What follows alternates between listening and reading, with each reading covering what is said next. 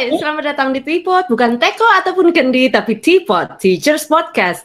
Dan kali ini kita akan ngobrol bareng Mas Gary Fadila dari Rigel Training Center.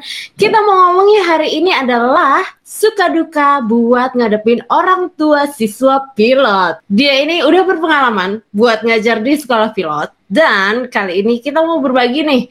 Kemarin kita udah berbagi soal menghadapi uh, orang tua siswa, ya kan? Ekspektasi orang tua terhadap flat instructor. Kali ini kita mau ngomongin lebih detail lagi buat gimana sih tips and trick buat ngadepin orang tuanya langsung. Jadi ini bisa diaplikasiin di sekolah pilot ataupun di sekolah lainnya yang kira-kira kita itu menjadi lembaga curhat para orang tua ya kan soal anak-anaknya. Oke, okay.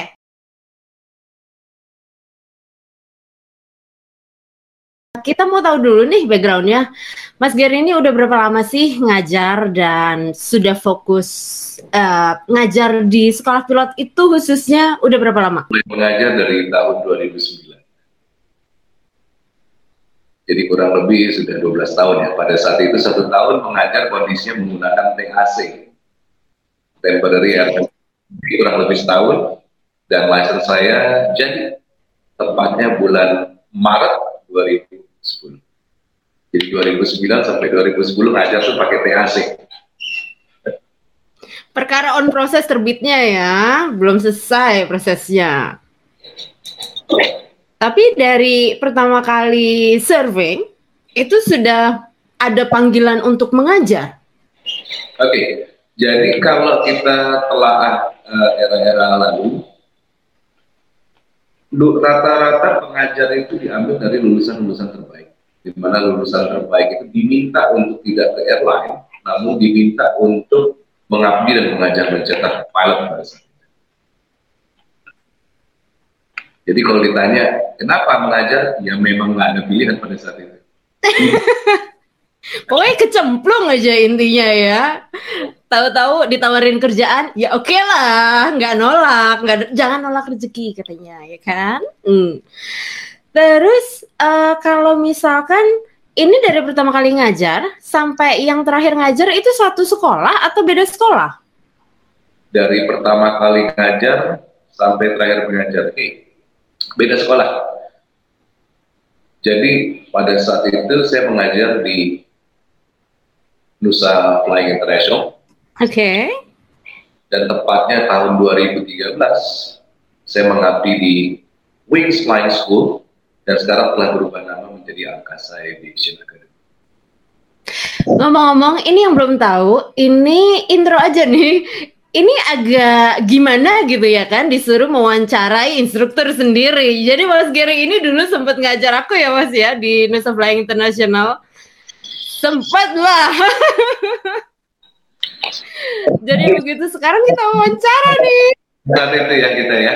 Iya. Terus kalau misalkan selama 12 tahun itu itu berarti udah ngadepin siswa yang macem-macem bentukannya ya kan. Plus orang tua juga orang tuanya juga yang macem-macem pula sesuai dengan anak-anaknya. Sebenarnya uh, ini kan hari-hari hanya ketemu anak ya nih, siswa-siswanya aja nih.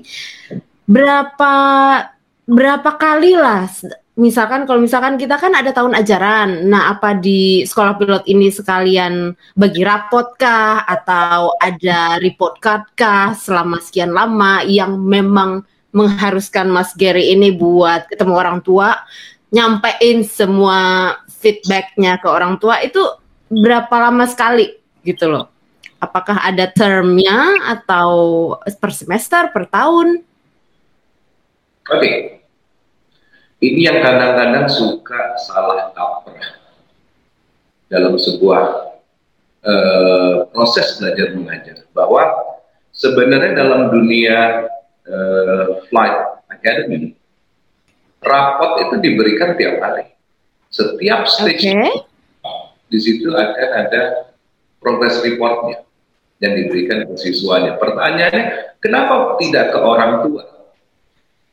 Kalau di dunia sekolah eh, yang biasa under formal, skala formal, formal, pasti akan ada yang namanya rapot untuk orang tua. Yes. Kenapa? Di mana anggapannya semangatnya adalah bahwa masih tanggung jawab orang tua yang begitu berperan terhadap saya. Tapi di dunia pendidikan dalam pilot, ketika anak itu bertekad untuk menerbangkan pesawat, maka tanggung jawab ketika apalagi dia akan mencapai private pilot, maka dia akan menjadi pilot incumbent. Ketika okay in comment sekalipun lisensinya masih private pilot, maka dia sudah memegang tanggung jawab yang begitu besar terhadap pesawatnya. Dengan demikian seyogyanya raport itu diberikan ke dia. Dan itu tanggung jawab anak tersebut untuk menyampaikan ke orang tua. Apa yang terjadi ketika intervensi begitu besar terhadap dari orang tuanya? Yang rugi akan orang tuanya sendiri karena kami sedang mengajarkan anak ini untuk menjadi dan pemimpin. Kalau dia tidak bisa mengurus hal yang kecil, bagaimana bertanggung jawab terhadap dua tersebut? Sederhana. Jadi ketika ada yang bertanya, rapotnya tidak ada. Ada satu kemungkinan memang instrukturnya lupa menulis komen karena setiap flight kita ada jacket atau komen itu ada. Atau yang kedua, anaknya tidak menyampaikan ke orang tuanya ini loh rapot saya selama ini Berarti miss-nya di anaknya ya. Pesannya tidak sampai ke orang tuanya. Bisa ada dua. Instrukturnya lupa, karena saya juga pernah lupa nulis. Yang kedua adalah ya siswanya tidak menyampaikan ke orang tuanya. Itu. Jadi kalau ditanya, rapot ini seperti apa? Ya itu, yang disebut dengan budget ya. Itu rapot. Tapi ada nggak sih yang di tengah jalan gitu orang tuanya tiba-tiba ngomongin Mas Gar ini anak saya gimana perkembangannya? Beneran bisa terbang nggak sih sebenarnya? Itu ada nggak yang masa-masa kayak gitu? Ya tentu pasti ada. Tentu pasti ada. Sepanjang perjalanan pasti ada. Namun hal itu adalah minoritas ya tidak mayoritas. Ah. Apakah yang orang tuanya care aja atau memang orang tuanya yang ya udah saya percayain aja sama strukturnya lebih yang kayak gitu kebanyakan mayoritas percaya dengan lembaganya oke okay. Gitu. itu mayoritas percaya dengan lembaga kalau berarti kalau ketemu dengan orang tuanya pas penerimaan saja sama pas wisuda aja nih ya kebanyakan ya. Betul. Oke, okay, di tengah-tengah itu kalau misalkan lulus stage PPL baru ketemu mungkin kali ya atau pas solo flight mungkin ya baru ketemu.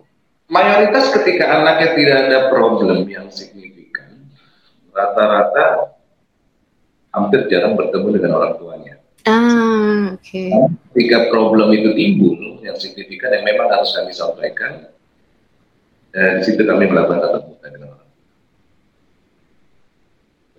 Nah itu progresnya apakah langsung ujuk-ujuk si orang tuanya dipanggilkah atau memang ada istilahnya surat peringatan ke anaknya sekali dua kali abis itu baru orang tuanya dipanggil atau gimana nih? Betul surat peringatan sekali dua kali terhadap anaknya. Terkait anaknya memberitahu ke orang tuanya ya itu di luar ranah kekuasaan kami. Begitu. Tapi ada nggak sih tiba-tiba kalau misalkan udah dipanggil nih, udah uh, special case banget nih, ada nggak sih orang tua yang malah ngomel-ngomel? Kamu kan sudah saya percaya, uh, percayain sama anak saya, kok saya masih dipanggil lagi sih? Itu ada nggak sih?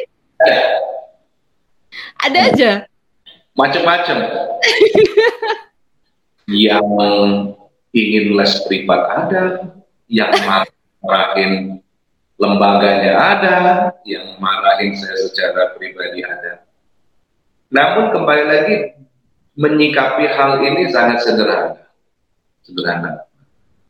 Artinya kita kembalikan lagi ke relnya, kembalikan lagi ke porsinya masing-masing. Porsi masing-masing adalah apa?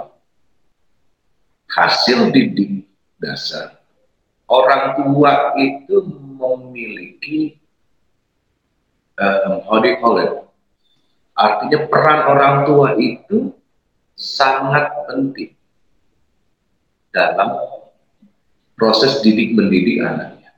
Hmm. Rangkumannya adalah menyikapi hal ini sebelum menunjuk hidung lembaga Karena yang kita lakukan adalah satu, kita mendidik orang pintar untuk jadi pihak pilot. Dan tidak semuanya bisa jadi pilot. Saya ambil contoh. Begini. Kita ini koki. Oke. Okay. Koki diminta masak sesuatu. Contoh, kami diminta untuk memasak hmm, tiramisu okay. yang Black Forest, yang datang vanilla, gitu ya. Lalu kokinya masak tiramisu.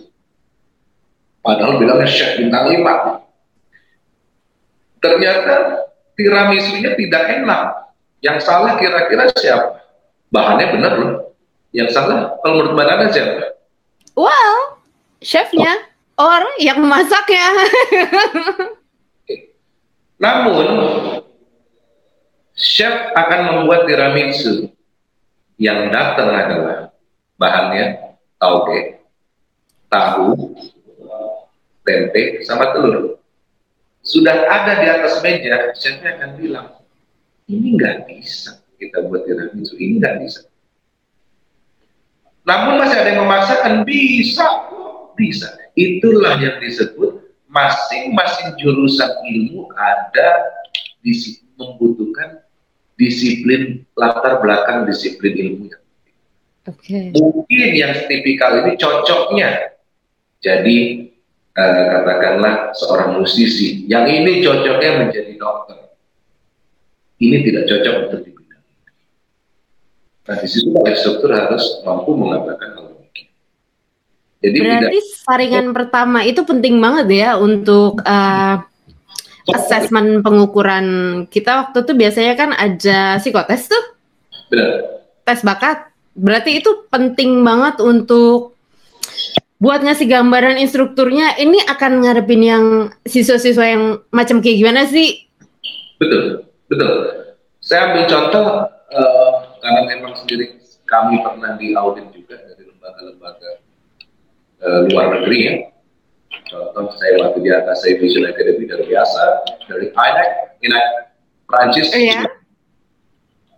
yang kam, akhirnya rangkuman yang kami ambil adalah bahwa lembaga keberhasilan lembaga Eropa dalam mendidik siswa didiknya adalah satu kuncinya adalah di prerequisite prerequisite oke okay. placement test bahasanya ya dengan apa yang mereka lakukan sehingga konsistensi tersebut menghasilkan ketika dia masuk dalam kelas programnya itu berjalan dengan baik dan hasil outputnya juga bagus. Jadi saya bisa tangkap bahwa kunci kesuksesan adalah di prerequisite. Setelah itu baru proses belajar. Ah, berarti endingnya laporan ke orang tuanya enak. Kita udah ada pegangan nih dari awal sebelum masuk sekolah ini. Bahan bakunya seperti apa, kita prosesnya kayak gimana, nanti outputnya itu lebih enak gitu ya. Kita nyampein ke orang tuanya ya. Oke, sekian dulu tipot kita hari ini. Dan buat teman-teman yang ngerasa dapat manfaat dari konten kita, silahkan share kontennya juga biar teman-teman guru, teman-teman instruktur atau teman-teman yang lainnya akan dapetin manfaatnya juga. Makasih buat Mas Gary Fadila dari Rigel Training Center. See you next time. Bye.